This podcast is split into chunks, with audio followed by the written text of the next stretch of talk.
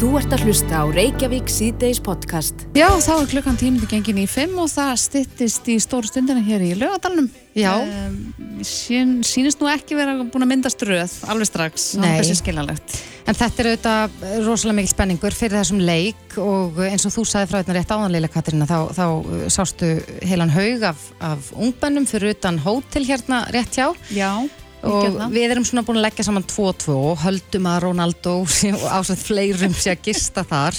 Höfum ekki kannski farið uh, aðra ferð til að reyna að sjá hann. Nei, en það er allavega, ég, ég, ég dáist að krökkum að nennan býður hún. Já, en ég líka bara dáist að bjart sinni í krökkum vegna þess að ég heyrði það veitna ungri stúlku á þann sem að er að fara að halda afmælsett í vikunum og bað pappa sinn um að senda Ronaldo skilaboð á Instagram og bjóð hann með afmælsett Já, við skulum bara krossa fingur fyrir þessa litlu stelpu þannig úti. Já, en hann er sestur hjá okkur Gummi Ben, íþróttafrétta maður með meiru blessarsæll. Heilar og sælar. Sko, þú ert náttúrulega ekki bara íþróttafrættamæður í kvöld, þú ert líka stoltur fæðis. Já, alla daga, reyndar. Bara suma Bara á, á landsleiki. Jú, svo sannarlega, það gefur manni auka að sjá landslið ef, að, ef þú átt battar. Það, ég get ekki sagt að það skemmi neitt fyrir. En, en verður þau óbærilegur? Nei. Eða æstur? Eða hvernig Nei, virkar þetta? ég er frekar rólegur, sko, í lífinu. Lífinu sjálfur. Varðandi íþróttir, ég, ég, ég þykist nú vita að það hafa svona einstaka sinnum orðið nokkuð æstur á Já. kappleikum. Í- Það er nánast líklega í einu, einu skiptin sem ég æsist aðeins upp. Það er, og það getur vel verið að það gerist í kvöld, en, en eh, ég er svona, ég held að ég sé alla jafna fyrir eitthvað rólegur samt sem áður. ég, ég, ég hef stjórn á mér, yfirleitt. Ok, það er gott að vita. Nema landsleikjum. Kannski. En þetta er auðvitað risastór leikur og, og, og uh, já, meðan að börnin eru bara spennt að sjá Ronaldo og þá eru, eru já, þetta eru svona fyrstu skrefin hjá nýjum þjálfara. Hvernig líst þér að blikuna? Þetta var náttúrulega ömulegt að, að tapa þessum, þessum leik á lögadaginn sem, sem að gerur okkur mjög erfitt fyrir og í kvöld erum við að mæta einu besta landsliði heims og að því voru að tala um hótelið hjá Portugalum hérna ég, ég var að koma og þetta er ekki bara börn sko, það er fullt af fullóttum fólki hérna að flækjast um að reyna að tróða sér inn um girðingar hérna fyrir utan hótelið á þeim. Veitu, er, eru þeir ennþá inn á hótelinu? Já, þeir eru ennþá þar og þeir, þeir verða komnir svona, ég myndi giska á einum og hálfum tíma fyrir leik verða komnir hérna nefnir á lögðarsvöld þannig að það er aldrei mjög- að býja því að þeir fari út í rútu og, og keiri hérna yfir. Þetta eru bara mjög mikilvægur upplýsingar sem við erum að fá hér í beinu útsendingu. Já, þú getur farið nánast bara beint eftir þátt, eða jafnvel þú þarf að fara aðeins áður en að þættinum líkur. Já. En það er ná- ekki bóði. Við leipin ekki hérna út. En hann er náttúrulega ekki engin venjulegu maður. Hann er langt frá því að vera eitthvað eðlu maður, maður og, og eh, bara þú sá áfangi að hann sé að spila 200. landsleiksin í, í kvöld er með reynum ólíkindum. Og þetta er áfangi sem enginn hefur náð. Nei, enginn hefur náð því og það bara segir hversu mikil íþróttamæður þetta er. Því að maðurinn er nánast aldrei meittur, hann missir ekki úr leik sem er með ólíkindum með við það bara það level sem hann er að spila á núna í 20 ári í landslið er hann að spila og 200 leiki, það, það er bísna vel að þessu viki. En sko ég man nú eftir því hér fyrir sjö árum síðan, er ég að rekna rétt. Uh, þá var ég stödd í Fraklandi í svona fansón og við varum að fara að mæta Portugalum og við áttum engansins, en það átti bara að verða gaman Já, og svo gerðist eitthvað ótrúlegt. Getum við fengið þetta moment aftur? Ég er nefnilega ymmit að, að vonast eftir því því að ég, ég var ymmit bara þetta upp í morgun sko, þegar ég var að fara að keira frá hótelinu mínu í Saint-Étienne Já, það verið að vellinum þá var ég með ég var með ótrúlega einhverjum svona ógleði í maganum því að ég var skítrættum þetta getið farið mjög illa þessi fyrsti leikur okkar á stórmóti. Og ég var svona byrjaður á leiðinni að undirbúum myndi það að við getum alveg tapa bara 6-0 eh, eitthvað þess áttar en eins og þú segir, það fór mjög vel. Við gerum eitt eitt hjartibli og ég ætla ekki að byggja meira en að verði bara sama í kvöld. Ég, ég er því bara óbúslega hamingjusamur ef, að, ef að það er í niðurstann í kvöld því að ég hef ég hef svona smá ekki alveg svona slæma tilfinningu eins og ég hafði þá en, en ég hef smá ágjöru því að, að, því að þetta lið er ekkert eðlilega vel mannað -hmm.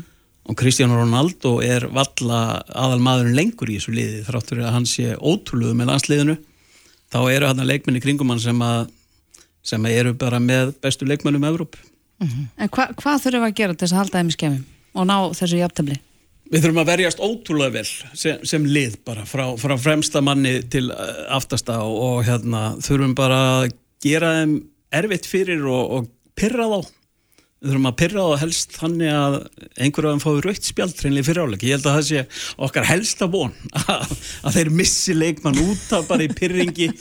Ronaldo slái frá sér eftir einhver held í hann og eitthvað og það, ég held að það myndi, það myndi hjálpa okkur gríðarlega mikið. Er, er, þetta, er þetta leiðbyrningar sem er búin að planið til- Er sonur þinn meðvitað um þessa leiðbyrningar? hann veit allt um þetta. Að, það er mikilvægt að, að pyrra stórstjórnur og reyna pyrra þér og því að margar þeirra svona, þú veist þetta á að vera of lítill leikur fyrir til dæmis Kristján Ronaldo. Hann á að vera komin í sumafrí þannig að við höfum oft lent í þínirblað íslenska landslið að spila hérna í júni þegar svona þessi staðstu leikmenn þeir, þeir nenna þessu ekki. Að vera að spila einhvern leikir í 6 gráðum í júni þegar þeir gætu verið komnir bara í villuna sínar hvar sem er í heiminum í, í frí.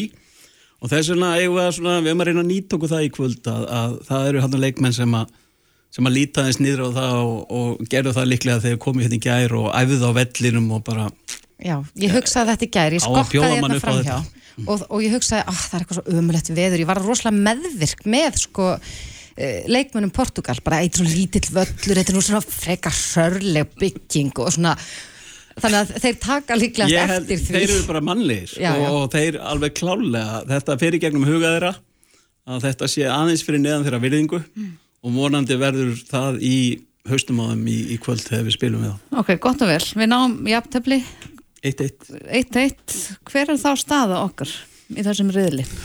hún, hún er aðeins erfið en það eru þá hins vegar bara fjóri leikir að, baki og við þurfum að fara við þurfum að fara til til Slovaki og við þurfum að vinna þar og það er alls ekkert þú veist, útilokað svona með hvernig sáleikur var í það minnst að þá get ég ekkert sé að við séum eitthvað verra lið heldur en Slovakia en við þurfum að ná í úslit kannski sem, að, sem við höfum geta sloppið við að þurfa að ná ef við höfum bara unnið hann að leika á lögadaginn en, en það var margt eftir að gerast í, í þessum reyli. Þannig að vonin er ekki úti. Alls ekki, alls ekki.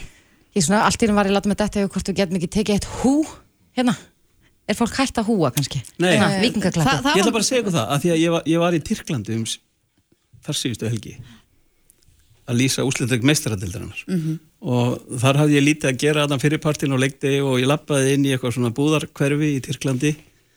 Inn í eina búð og þar var eldri maður eh, sem að satt þar á stól og hann var og að hissa að sjá mig, ég held ég að vera eini sem að koma inn í búðuna líklega þennan daginn. En hann spyr eitthvað, where, where are you from? og ég segi bara Æsland og hann húaði í bara allan tíman meðan ég var inn í búðinni þar til að ég fekk nóg og ég gekk út. Já, þetta var bara orðið þetta var orðið erfitt og vandræðilegt Var hann eitthvað mjög nálagt þér? Var þetta, var Nei, en svona- það gekk svona eða á eftir mér og tók alltaf húið og mér fannst þetta óþægilegt þannig að ég get sagt að húið lifir Húið góðu lífi lífi. góð.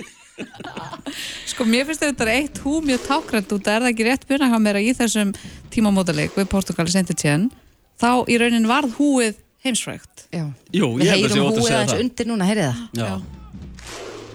Þetta er geggjað.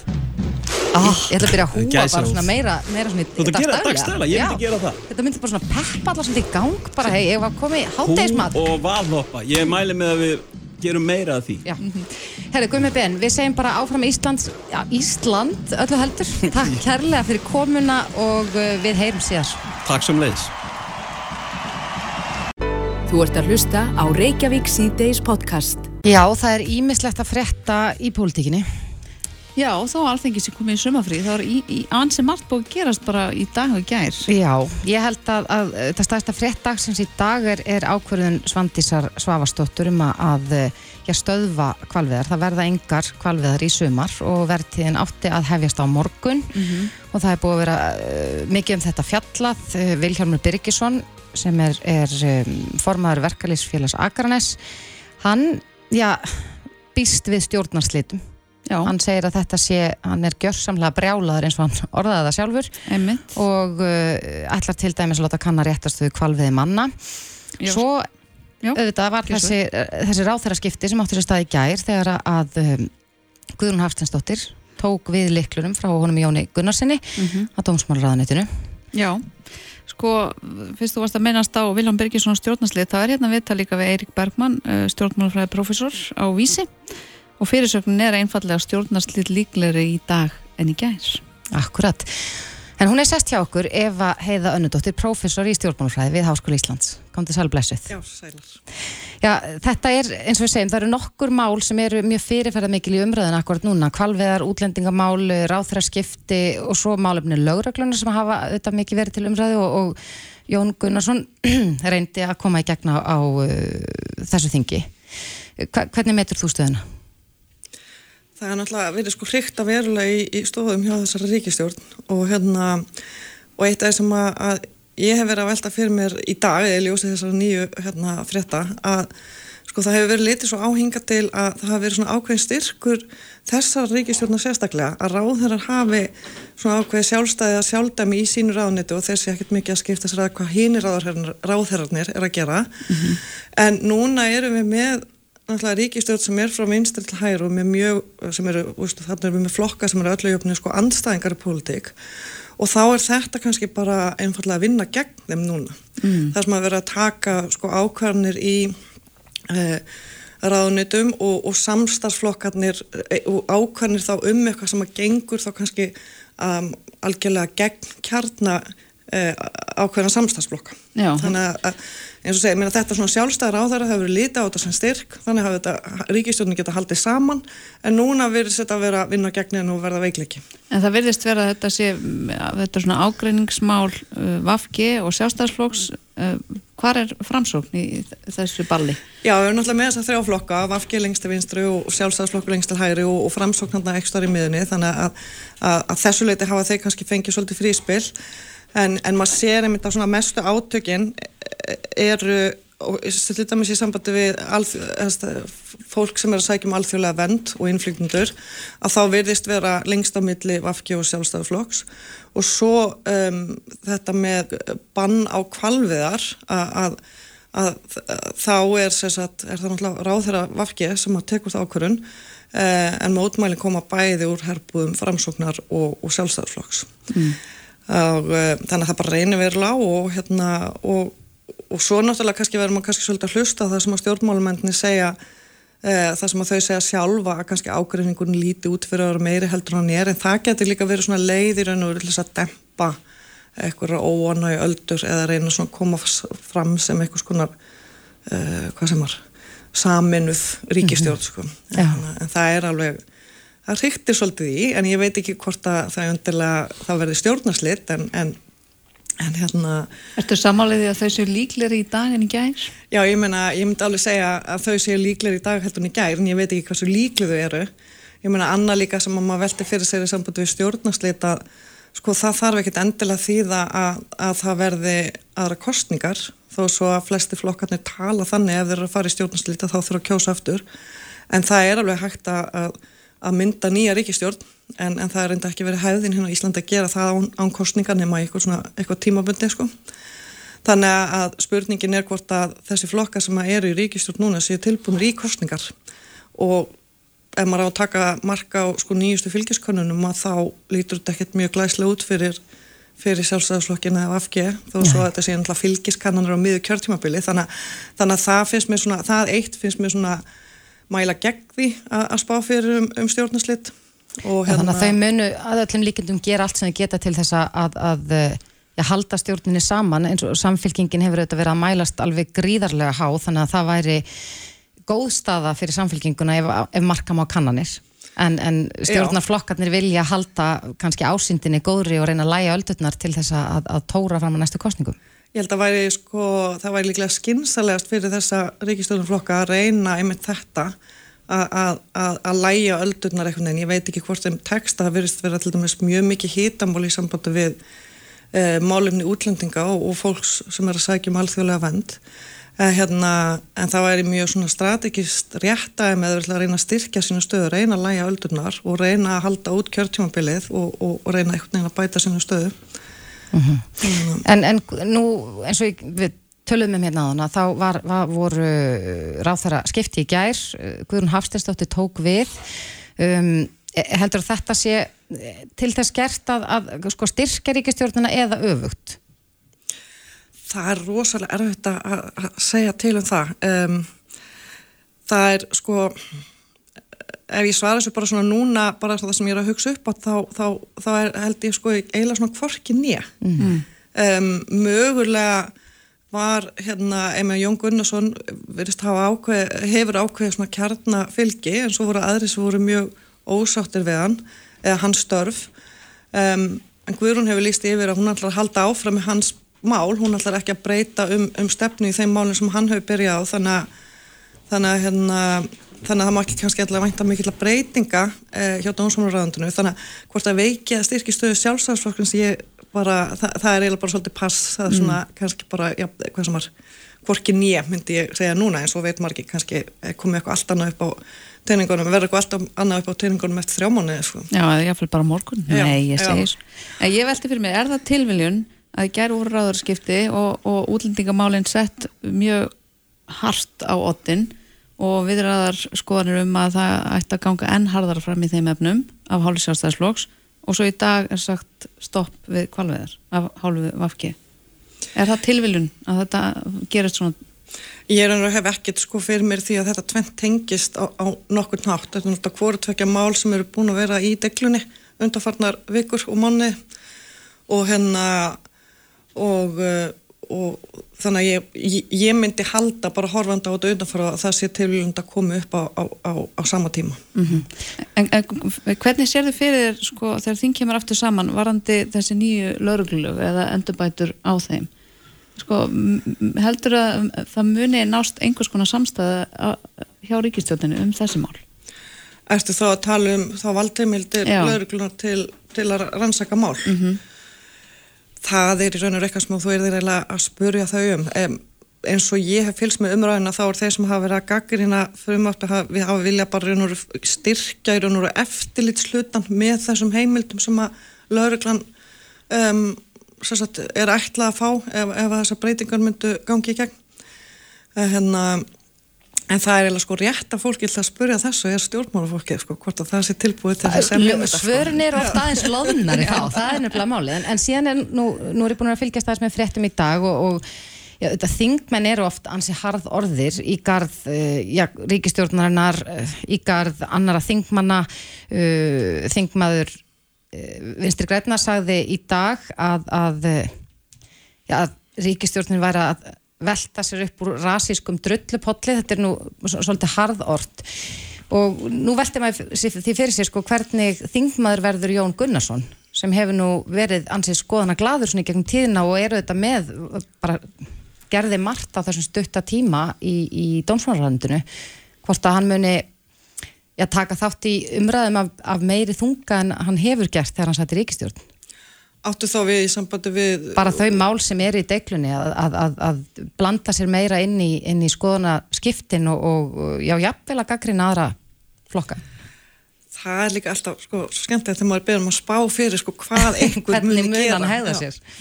Ég, hérna, en, en bara svona eftir að fyrst með stjórnmálum lengi þá held ég að, að hérna, maður sér eh, kjörna fulltrúa ekkit oft, oft breyta um stíl, þannig að mm. hérna þannig að ég myndi bara halda bara byggt á fyrir hegðun og þá myndi hann alltaf áfram að láta til sín taka og segja sína skoðun á þeim málum sem að standa honum uh, sem, sagt, uh, sem er honum mikilvæg eða honum og hans flokki. Mm. En þetta getur orðið ansið hressandi vetur.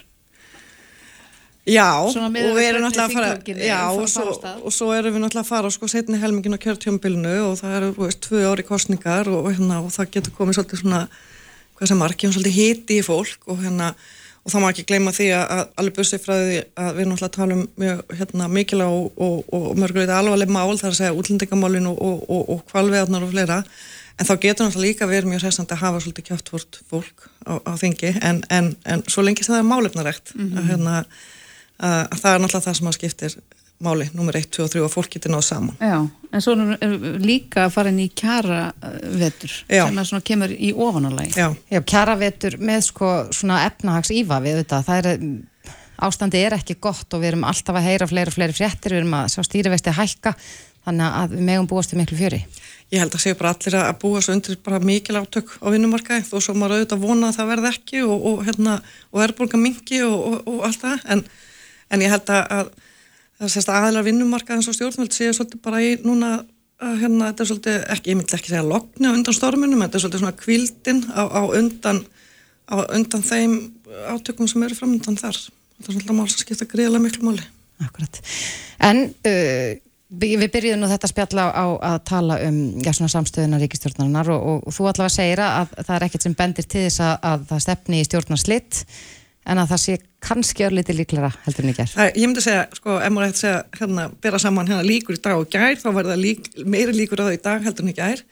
En hérna, en ef ég ætti að veðja núna, ákveðat á þessum tímapunkti, þá myndi ég veðja það að þau haldi, reyna að haldi þetta út. En, þú veist, svo getum við setið hérna eftir viku og við erum alltaf að mynd. Akkurat. Já. það gerist margt á, á uh, stutnum tíma en Eva Heiða Önnudóttir, professor í stjórnmálufræði við Háskóli Íslands. Kærar þakkir fyrir komuna. Takk. Þetta er Reykjavík C-Days podcast. Þriðja vaktin, hugræn byrði og uh, þessi málefni hafa verið nú ansið mikið til umræð upp á síðkastið, undan farin ár kannski. Mm -hmm. Vaffer fóruð þetta í stóra herrferð uh, í fyrra held ég alveg örgla. Já, og við höfum fjallað svo sem um það en, en við höfum kannski ekki haft neinn svona neinar haldbæra rannsóknir á íslensku fyrir Ísland um þriðvaktina. Nei, og uh, auðvitað hafa sko, jafnbrettismál verið á ottinum hér í, í mörg ár. Og það hefur verið gríðarlega mikil breyting á því sko konur eru miklu, uh, miklu meira út á vinnumarkanum, þáttakendur í því og, og, og en svo var kannski tölvöld minna hérna á árum áður. En svo er auðvitað allt hitt. Við vinnum öll heilan vinnudag langan vinnudag og, og, og svo þegar heim er komið þá býða auðvitað húsverkin og, og svo þarf að muna að setja 500 krónur í töskun á þriðudaginn því að barnið þetta er að fara í barnaamali beint eftir skóla og svo eru íþróttæfingar og svo mætti lengi telja. Ég var bara þreytt í Ég þessari verð mjög þreytt að hugsa um þetta. En nú er búið að gera rannsókn á þessu og, og það var hún Ragnæði Davíðsdóttir sem skrifaði meistarreitgerð í kynjafræði sem bara heitið Dulin misskipting í jafnbreytis paradís Já, og Ragnarður er sérstæðni hjá okkur. Velkomin. Já, takk hérlega fyrir. Um, ef við byrjum kannski bara á byrjuninni með þriðuvaktina út af því að ég reyndar uh, veit að þáttangandur í þinni reitgerð þó að hafi flestir vita hvað þriðavaktin væri þá voru það ekki allir. Nei. Ef þú kannski ferð yfir það með okkur svona einfaldan átt, hvað er þessi þriðavakt? Já, þannig að sko fyrsta vaktin er sem sagt, það er verið að vísa til launara vinnu, fólks og önnur vaktin er þá hérna, öll- ólunað vinnan sem gerist eftir, eftir svo launavinnu.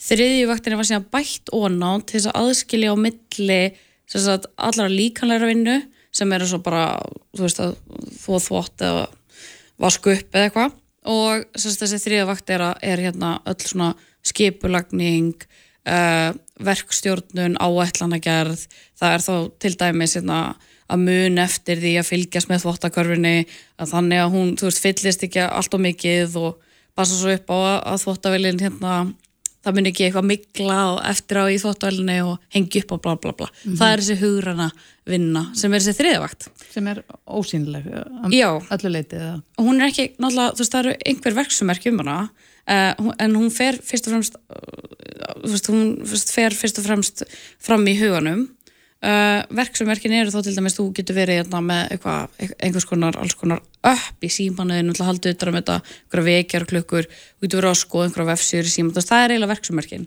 Uh, kannski ertu með hérna, eitthvað blað upp á ískáp uh, allt svoleiðis, en þú veist, það er bestinlega miklu meira ósynlegt en til dæmis að, að slá grasið eða, eða hérna, kaupi matinn, þú veist, það er engin svo mikil, hérna, Já.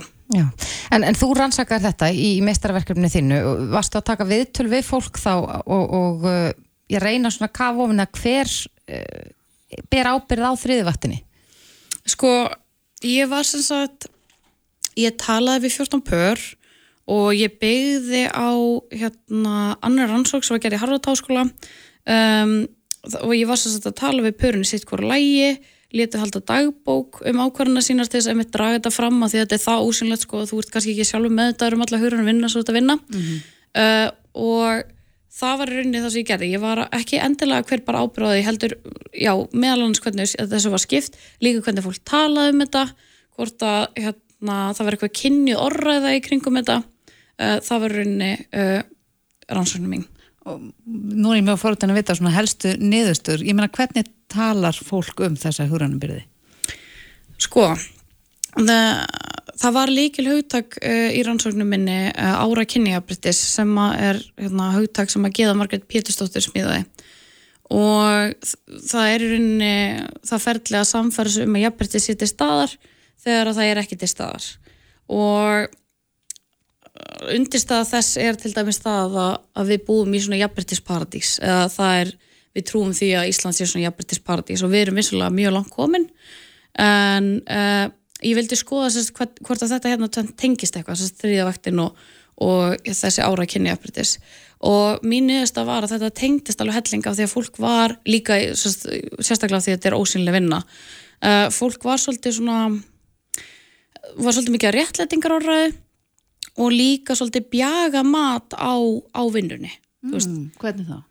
til dæmis það að hugran vinnar vanmetin og það eru aðra ansvörnir sem sína fram á að hugran vinna er vanmetin og það hún er náttúrulega grundvöllur heimilis starfa, ummunna starfa uh, hitt er að nú er ég búin að þetta út við.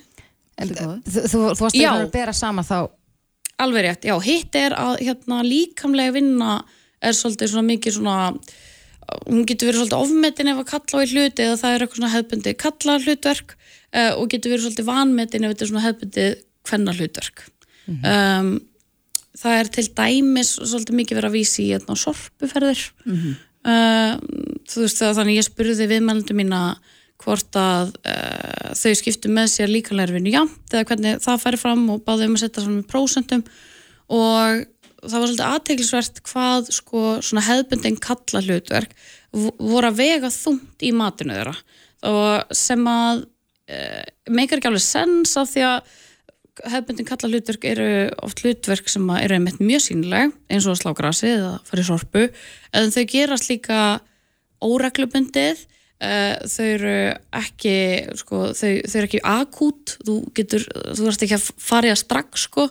Uh, og uh, kannski líka þú veist já, þau eru ekki til svona bundin ákveðum tíma. Nei, er sorpuferðir er ekkert eitthvað sem gerist daglega uh, á meðan að kannski uppáttavélinn þarf að fara í ganga hverjum degi. Einmitt, já, þannig að sko þar var orðan svolítið áhugaverð út af því að líkanlega vinnan hún var að skiptast jafnar en, en hérna hugrunavinnan en það var samt svolítið aðteglisvert sko hvernig líkanlega vinna var skilgreint að hérna, það væri ekki líka bara hellings líkanlega erfitt til dæmis að skúra. Þú veist, það er hérna, Ég held ég myndi frekar kjósa sorpuferð heldur en að skúra. Ég ætla bara að segja það. En ég var mjög fegin eitt menn þegar ég var ófrísk allavega að, að þá uh, var mér bannað að ríksu mm -hmm. og þegar ég var með eitthvað snögt, þú veist, grindargliðnun og eitthvað það var bara, nei, þú mátt ekki ríksu að þessum eftir meðgöngur og ég bara, yes.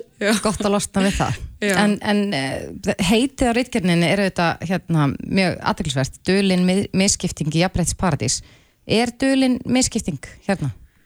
Já, ég held að það sé absolutt þörf á vitundavakningu í tengslum við heimilið og í tengslum við heimilisverk og hvernig þau skiptast. Niðurstöðu mína voru að hugran vinna er misskipt, um, sérstaklega meðal gagkinnæra para. Ég talaði líka við hins einn pur.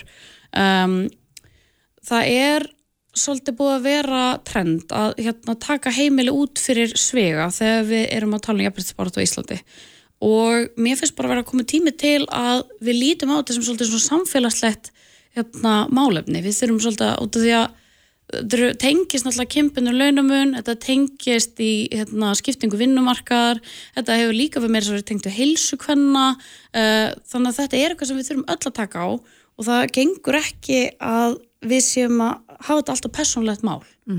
Þetta, þetta, er, þetta, er, þetta er eitthvað sem að varðar okkur öll. En ég veit að það er sko það er alveg til fólk sem heyrir þetta hugtak þriði vaktin og bara ránkólur augunum Já, bara uh, til hvers að vera að velta sér upp úr þessu Mhm. hvernig svara maður því? það er okkur spurning, ég meina ég meina vísindi og rannsóknir sína að hugran vinna hefur umverulega neikvað áhrif neikæðar afleðingar, getur valdið kvíða, getur valdið einhvers konar sko áreksturum í sambandi. Uh, þess að við verið lítið færiband sem maður bara hættir aldrei. uh, það er ástæð fyrir þetta er búið að vera svo mikið í deglunni. Fólk er að tengja við þetta. Uh, þetta, þó veist, ég held í rauninu ástæð fyrir því að fólk er svolítið rámkólu augum, er þessi ósynleiki. En vísindir eru að sína fram á, þetta er umverulegt, fólk er að tengja við þetta. Þannig að við þurfum að tala um þetta og rannsóknir á sko verkaskiptingu þær er ekki að grípa allan myndina ef við tökum þetta út fyrir svega En, en myndi út að þetta er svo persónulegt og þetta er kannski erfitt samtala eiga í parsambandi þegar að boltin er svona búin að rulla hansi lengi kannski og hallar á annan aðlan hefur þú einhver, einhver svona tól upp í erminni? Hvernig á einhvern veginn að snúa þessu við? sko, ég hef líka fengið þessa spurningu opasloft sem er bara fínt. Uh, ég legg til að hérna, fólk sé ekki bara hvað henni nú gerir þú, hérna, nú ætlum við bara að hafa þetta jæmt uh, af því að þetta er eitthvað sem að sko lærist líka þú veist, þú ert kannski búin að vera sjá um alla fatastærn og úslega lengi og allt það og þú veginn aðeins meira svona sko þú veist meira meðvitaður um hvað að grípa, hvaða bolta þarf að grípa og mikið af konum í rannsóknum í gagkinuðu pöru sem tölum við með um að það væri bara allt mikið vesen að sleppa tökunum. Og veist, það myndi bara allt fara í rugg uh, ég legg freka til að fólk bara einmitt, fyrsta lagi eigi bara heilt samtala um þetta þar sem þau eru ekki að taka kynjavítin algjörl úr myndinni. Svo segja bara, heyrðu, ég er alltaf með þóttin nú tekur þú bara alfarið þóttin þanga til að aðilin er búin að einhvern veginn átta sig á öllum þessum litlu hlutum. Þess að dæmi um þetta til dæmis er aftur þvotturinn, ég er bara greinlega með hann á heilum í dag. Uh, það er þá sko, emitt, fatastæriðnar hversu oft eru við cirka bátt að setja í þvottin í viku? Uh, hvað þvottir þarf að fara á þetta prógram? Uh, þú veist, leikskólataskan hvað er algjörlega þörf á að, setja hérna í hana og hvað þarf að vera tilbúið á mándurum, etc, etc, skiljur þannig að um leið og viðkomandi sem er ekki að senda hurðanvinnu fer og, og hérna, gerir það í smá stund, fær tilfinningu fyrir þessu þá er ekkert mál, það er ekki ekkert mál. Það er miklu léttara að skipta þessu með þér.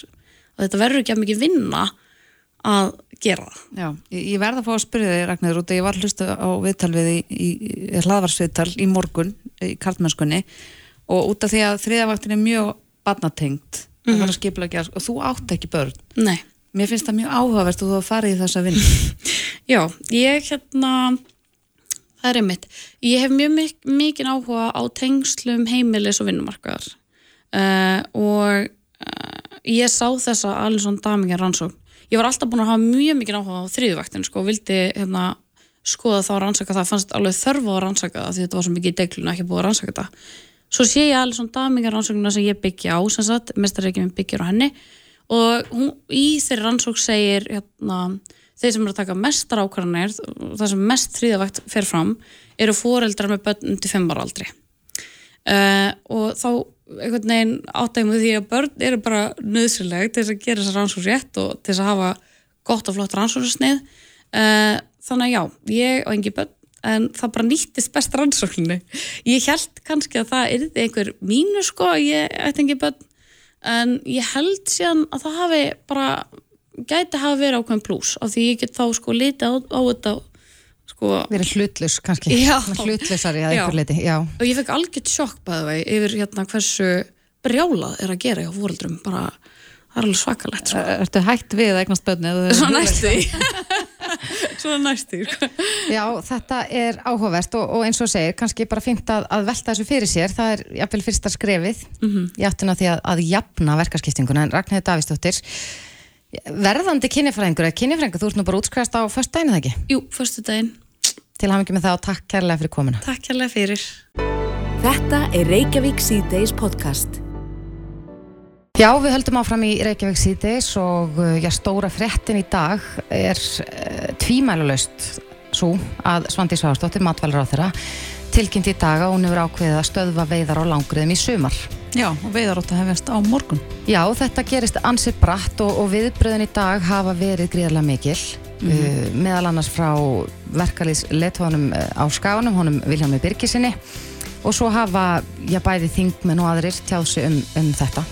Heldur betur og það er náttúrulega algjörlega óvist um framtíð þessar atvinnugreinar sem hefur nú svo sem verða á millitannan á fólki ef, ef svo má segja en uh, hingað til að ræða þetta mál er hún sest, Heiðrún Lind Martinsdóttir Frankustjóri SFS, velkomin Takk. Vissir þú af þessari ákvörðun ráðherra? E, nei, hún kom með spánst fyrir sjónir. Ég tel að þetta sé bæði fyrirvara og fordamalus ákvörn sem að ráþeira er að taka núna og að svo ákvörn standi mjög, á mjög veikum grunni. E, svona aðeins að forsögum álsins að þá lágu þetta fyrir þessi eftirlitskísla matvælastofnunar sem um hafði verið rætt og hérna bæði á vettvangi þingsins og auðvitað ofinberla e, og á grundvelli þeirra skíslu að þá taldi ráð þeirra að hún hefði ekki lagalega heimil til að stöðva veiðar á komandi vertíð. Hvers vegna taldi hún svo vera? Jú, hún hafði fyrir því lögfræðilegt álit og niðurstaða auðvitað eftirlitskíslu matvælastofna var svo að það væru ekki lögbrotin hvað varðar veiðar, sem sagt lögum kvalveðar eða lögum velferð dýra e, og engin ákvæði sem að veittu heimil til þess að afturkalla starfsleifi. Það væri ekkit þannig ámælisvert í þeirri starfsemi sem hefði átt sér staði að staðfest væri í skýslu mast. Þannig að ráþeira hafði mjög, mjög afgerandi hætti tjáðsum það að það kæmi þá ekkit annað til greina en þá yngripp þingsins þá með breytingu á lögjöf ef að vilji væri sannlega til þess að eh, stöðva kvalveiðar fyrir fullt og fast núna og vertíðin eru eins og þið sögðu að hefjast á morgun. Uh, síðan virðist ráð þeirra grípa til þess að kalla til svo kalla fagráð sem að hérna er skipaðar á þeirra og hún beinir tilgreyndri spurningu til þessa uh, fagráðs. Uh, og það má nú velta fyrir sér hvort að svo spurning hafi verið hlutlaus og síðan er álit fagrásin sem telur nú ekki nema þrjár málskrinnar og raukstunningurinn eitthvað um eina blaðsjöðu uh, að uh, það séu sko ekki hægt að hérna að við veiðar og stól, stórkvelum sé ekki hægt að uppfylla þau skilir sem nöðsynlega eru til að tryggja velferð dýra af aflífun. Það er hins vegar hverki vísa til hvaða laga ákvæði eh, hérna beri að þar að styðjast við eða þessi niðurstaða styðjast við þannig að eh, ég tel að bæði niðurstaðan efnislega sé raung en hvað sem því líður að þá stend- stendst hún enga lagalega skoðun. Fyrir utan auðvitað svo málsmeðferð sem við þau var við gerð þessa álits að þar get ég ekki að þar hafi verið e, svona hérna viðhöfð eh, já, svo, svo hérna eh, regla sem að þessu fagráðu bera við það og það er að fylgja málsmeðferðar reglum stjórnsýslulaga e, og ég, það er ekki að sjá að þarna hafi verið gætt andmælaðana þess áttar þrátt fyrir að þarna geti leigi fyrir álit sem geti þá haft mjög íþingjandi áhrif uh, á þá aðila sem að í hlut eiga. En sko nú er, er þetta mál búið að vera mikið til umræðu síðan að eftirlitskísla mast kom út og, og hinn er ímsu aðilar, dýralæknar og fleiri búin að tjása um þetta og ég held að, að ég tala nú fyrir hönd örgla margra að, að þessi skísla var ansi svört. Við vorum að sjá þarna aðferðir sem að, að já, mað, allavega hugsa að maður vilja ekki sjá. Spurningin er alltaf svo, er hægt að aflifa þessi dýr með mannúðlegum hætti án þess að, að þessi stóru og vitru dýr sko kveljist er það bara yfir höfuð hægt og hefur það verið skoðað sko innan uh, já bara sjávar útvegsins og, og hjá kvali hvort að það sé hægt að finna aðra leiðir Sko það líkur þetta fyrir hvað kröfur beri að gera til veiðana og til velferðar dýra í lögum. Eh, En við vitum auðvitað líka sko veiðar á langreiðum eru eins og aðrar veiðar á viltum dýrum og þetta er ekkit án áhættu og dauðastríðið er eitthvert. Eh, Og ég tala nú ekki um þegar við erum að fella dýr sem er á sjó. Eh, hins vegar er það þannig að það er verið að beita viðurkendum aðferðum við veiðar á þessum dýrum og reynd að koma í veg fyrir að þau hegi langt döðastríð. Þannig að það er allt staðfest í skýrslu mast að það sé eins og best verður á kosið eða í raun það eina sem að hægt er að gera. Þannig að hérna, umræðna snýst að mínu viti miklu meira um hvað okkur finnst og tilfinningar fólks og úr þeim verður ekkert gert lítið. En við meigum aldrei kvika frá því sjónamiði þegar við erum að hugsa um hagsælt þjóðar að við erum hér að stunda sjálfbæra nýtingu á auðlindum landsins. Og ef við höfum um það mjög skýran lagarama hvaða kröfur við viljum gera til þeirra veiða og aðilar sem að stunda veiðnar fylgja þeim ramma. Mm -hmm. eh, En það, það er enda líka verið bent á að svona ásýnd þjóðar að, að hún batni nú ekki við það við stundum kvalviðar? Já, við erum svo sem ekki eina þjóðin sem að stundar hérna, veiðar á kval, þær eru svo sannlega fleiri en við höfum líka látið gera úttektir á því núna umliðnum vikum og mánum hver erlend umfjöllun er um kvalviðar Íslendinga því að það er mikið hérna, úr því gert að þetta geti haft skadlega, skadlega áhrif og ímynd landsins mm -hmm. og það má kannski stuttumáli segja að áhugi um heimsins á þessum veiðum okkar er engin e, umfjöllunin var sem mest þegar að það komi fréttir af því e, í japanskum fjölmiðlum um að e, það væru komni sjálfsalar með kvalafurðum jákvæðar fréttir hérna í japansku miðlum, það var svona stærsti hérna hápunkturinn í umfjöllun erlendra miðla um, um kvalveðar Íslandinga eða, eða kvala afurðir hérðan. Mm -hmm. Þannig að við erum að gera heldur meira úr þessu hérna heldur en raunin er og þörfir á og nú tala ég fyrir atvinnugrein þar sem við erum auðvitað að flytja út sjávarafurðir og hreinleiki og ímynd lands og það að við séum að stunda hér sjálfbærar veiðar í samræmi við vísindarlega ráðgjöf, það er okkur að sjálfsögðu fyrir öllu, mm -hmm. en við teljum um þetta veiðar á langriðum eh, fylgi nákvæmlega því prinsipið að þeim fórsendum. Já, en nú hefur líka verið talað um, um sko, uh, umhverju sjónamið og náttúruvendar vingla og alls konar, það hafa bara, já, svo margir blanda sér inn í þessu umræðu og, og já, ansið sterk rauk uh, varðandi koltvísýring og ég veit ekki hvað hvað. Uh, er þetta allt tekið inn í myndina þegar að, að, að við erum að tala um sjálfbærni og þetta sé já, gott fyrir þjóðar búið? Er mismunandi hagsmunir teknum þannig? Já, við verðum auðvitað alltaf að vega og meta. Auðvitað geta verið ólíkir hagsmunir hérna, í allri atvinnustarfsemi hérna, e, og það þarf bara að vega og meta hvaða, hérna, hvernig við ætlum að feta þann stíg. En er þá ekki við... bara spurningi, sko, græðu við meira á kvalviðum en ekki? Við græðum, ef við segjum græðum hérna, Já, við, í svona, í svona víðum skilningi Við erum bara, bara svo þjóð sem að reyði sig hvað mest á nýtingu sjáaröðlindarinnar og gerum úr henni mikil verðmæti þannig að við höfum verið hérna, líklega forsprakkar og sínt algjört frumkvæði eins og í alþjóða hérna kvalveðiráðinu um bara vísindarlega nálgun og við séum að venda kvalastofnana og við veiðum ekki öðruvísi en í samræmi við vísindarlega ráðgjöf. Við veiðum ekki úr neinum stofnum sem er á válistum og svo framvegs mm -hmm. þetta er algjört frumkvæði Íslendinga á sínum tíma og þarna viljum við að sjálfsögðu vera og við viljum vera stolt, stolt af þeim veiðum sem við, við stundum. En eh, hérna það má heldur ekki gefa eftir í einhverjum ímynduðum þrýstingi. Eh, við eigum að tryggja hér þjóðarhag og verðmæta sköpun til langrar framtíðar, til hagsaldar fyrir ekki bara okkur heldur næstu kynsluður. Eh, þannig að við eigum að halda áfram að nýta öðlindir sjáar, hvort sem að það heiti fiskur eða kvalur eða sjá, önnur sjáar spendir. Mm -hmm. Þannig að svo fremið sem þetta er í samræðum vísindarlega ráðgjöf og nálgun og þetta að velferð dýra sé tryggð eins og best má. Að þá eigum við að sjálfsögða að halda áfram slíkum veðum. Mm -hmm.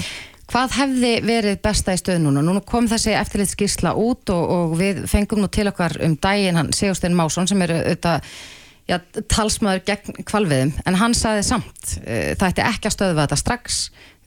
Mögulega hefði átt kannski að, að gefa kvali kost á því að uh, já, bæta úr því sem að vantaði upp á samkvæmt þessari skíslu hefðu kvalveðar átt að byrja á morgun og, og, og svo bara taka stöðuna eftir tímabilið hvernig uh, gekk að, að mæta þessum kröfum? Ég tel að það einarlega rétta, lagalega rétta í stöðunni er að hefja kvalveðar á morgun að svo hérna, við því verð ekki hróplað. Við erum að tala um stjórnarskrárvarin atvinnuréttindi e, og þegar að, e, á að fara að hérna, íta við þeim eða breyta þeim eitthvað um hætti að þá verða stjórnvöldu þetta gæta hófs og fylgja þeim þá skilur þeim sem bæði stjórnarskrár og lög setja.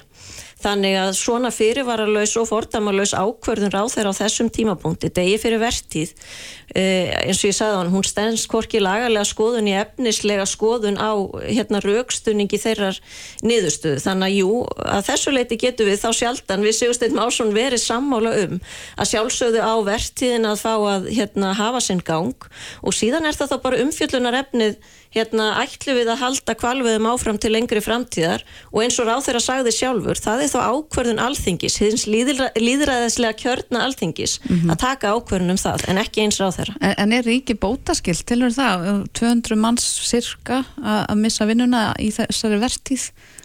Ég myndi telja litla lagalega óvissu um það að það er klár bótaskylda af hálfu ríkisins í þessu tilviki. Það er þá talsverði fjármunir. Það myndi vera töluverði fjármunni á. Það eru auðvitað hérna, laun starfsmanna sem að ekki fá þá greitt laun eða hérna, eh, riftun ráðningasambands við þá starfsmenn sem að töldu sig hafa vinnu til næstu hérna, mánada.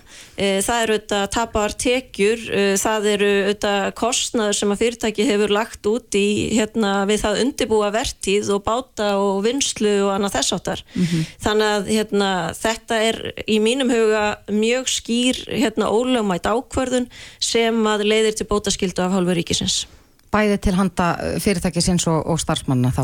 Já, það er spurningum hvort það sé beint eða óbeint hvort að fyrirtæki verði fyrir tjóninu vegna þess að starfsmenn geti sótt laun sín eða tekjur sem það hefði átt að hafa samkvæmt ráðningasamningi eða verktakasamningum hérna, til fyrirtækisins og það á þá endurkröfuna eða, eða skadabæturnar á hendur, hendur ríkinu. Er, er hægt að beita einhverjum þrýstingi eða telur þú að eh, þitt félag munum beita einhverjum þrýstingi til þess að fá þessu nekt? Já, við gerum það þetta bara eins og ég er að gera í þessum töluð orðum. Við höfum sendt frá okkur yfirlýsingu uh, vegna málsins en mér finnst mikilvægt að við ræðum þetta líka af yfirvögun og það er vont þegar þetta er gert svona degi fyrir hérna vertíð að þá verður yfirvögunin því miður lítil. eh, en við eigum að geta rætt þetta og auðvitað rauk hérna með og á móti og komist að einhverju skinsalegri niðurstöðu. Eh, en að beita einhvers konar klækjum eða hérna svona eh, stjórnsýslulegu humbúki eins og er verið að gera í þessu tilviki það er ekki til þess að eh, svona auka tröst almennings á stjórnvöldum og því síður til að bæta já, ímynd hérna, stjórnsýslunar um það að það sé verið að taka ákvarðanum með upplýstum hætti og að gæta þá þeirra regluna sem að stjórnsýslulegu kveða áum, andmæla mm. meðalhófs og svo framvegs. Já, nú hefur lítið sem ekkert heyrst í Kristjáni Loftsinni sem er nú, eh, já, svona hinn eini sanni kvalvið maður hér á landi og uh, við höfum ítrekkar endan á í hann árangurs en hafið þið talað við hann eftir að þessi ákvörðum var tekin í dag?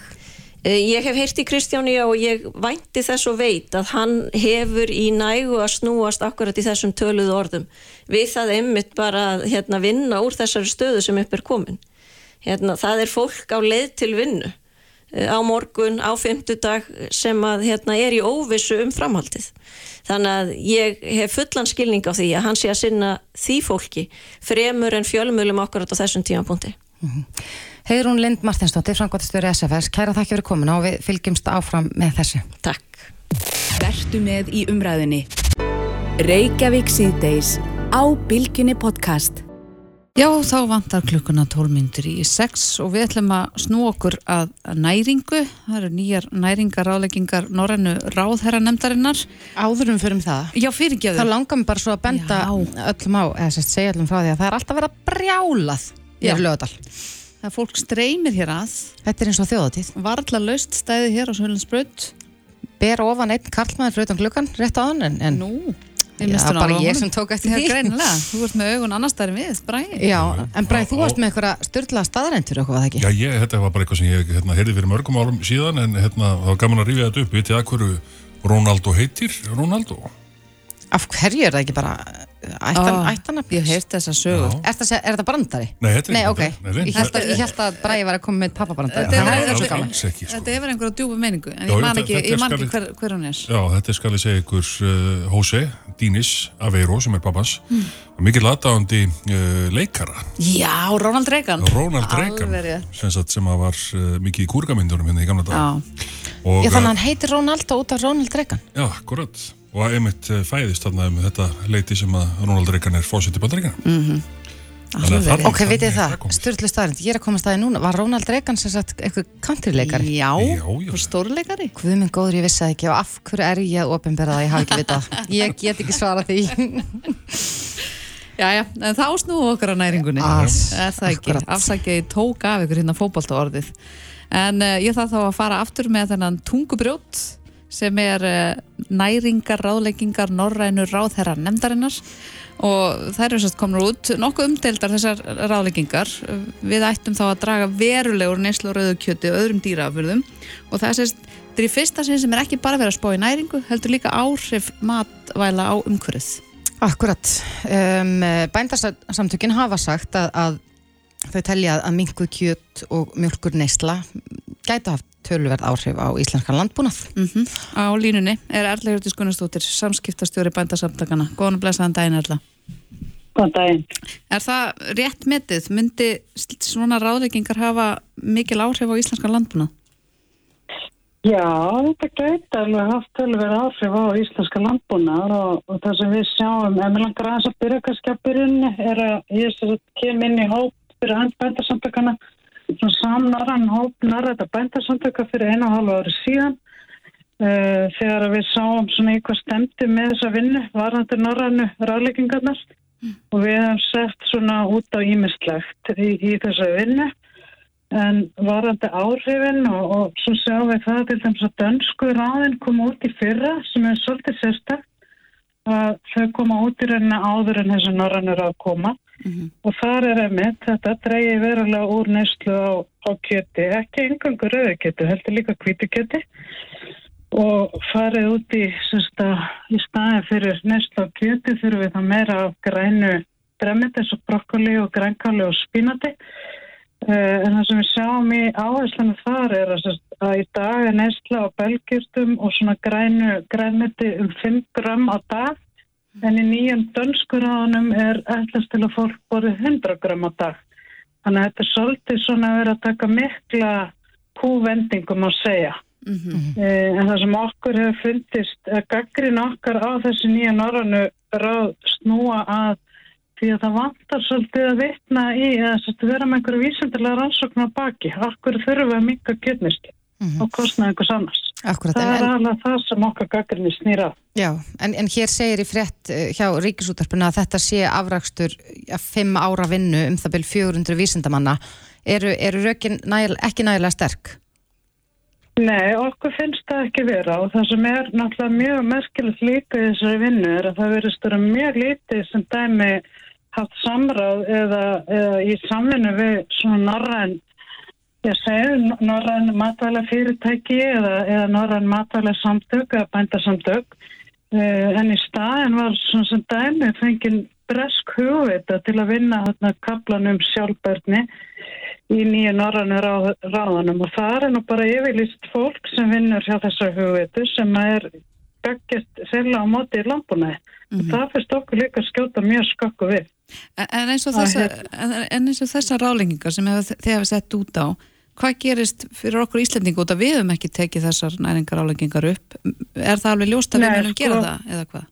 Já, það verður bara mjög spennt að sjá. Þetta er náttúrulega hendur landlækningssambatisins og, og samkvæmt því sem ég heyri þaðan eiga íslensku ráðin að koma út á næsta ári og eins og öll Norðurlöndin fyrir utan reynda Danmarku núna munu, munu í rauninni taka mið af þessu norrænu ráðum og, og þess vegna er ímislegt sem okkur finnst orkutímælis í norrænu ráðunum og, og vonumst nú til að verða ekki gengið allar leið varandi þau íslensku. Eru bændur uggandi yfir þessu? Já, ef allir hér á Íslandi myndu nú bara uh, taka þessi ráð og, og bara fara algjörlega af, af fullum krafti að fylgja þeim uh, það sem ég er að reyna að koma út um mér er, er sko, hafið þið heyrt í bændum og ef að við myndum fara þessa leið hvað myndi það þýða? Já, það myndi náttúrulega bara þýða stórkostlega svona minni náttúrulega kjötframlegslu á Íslandi.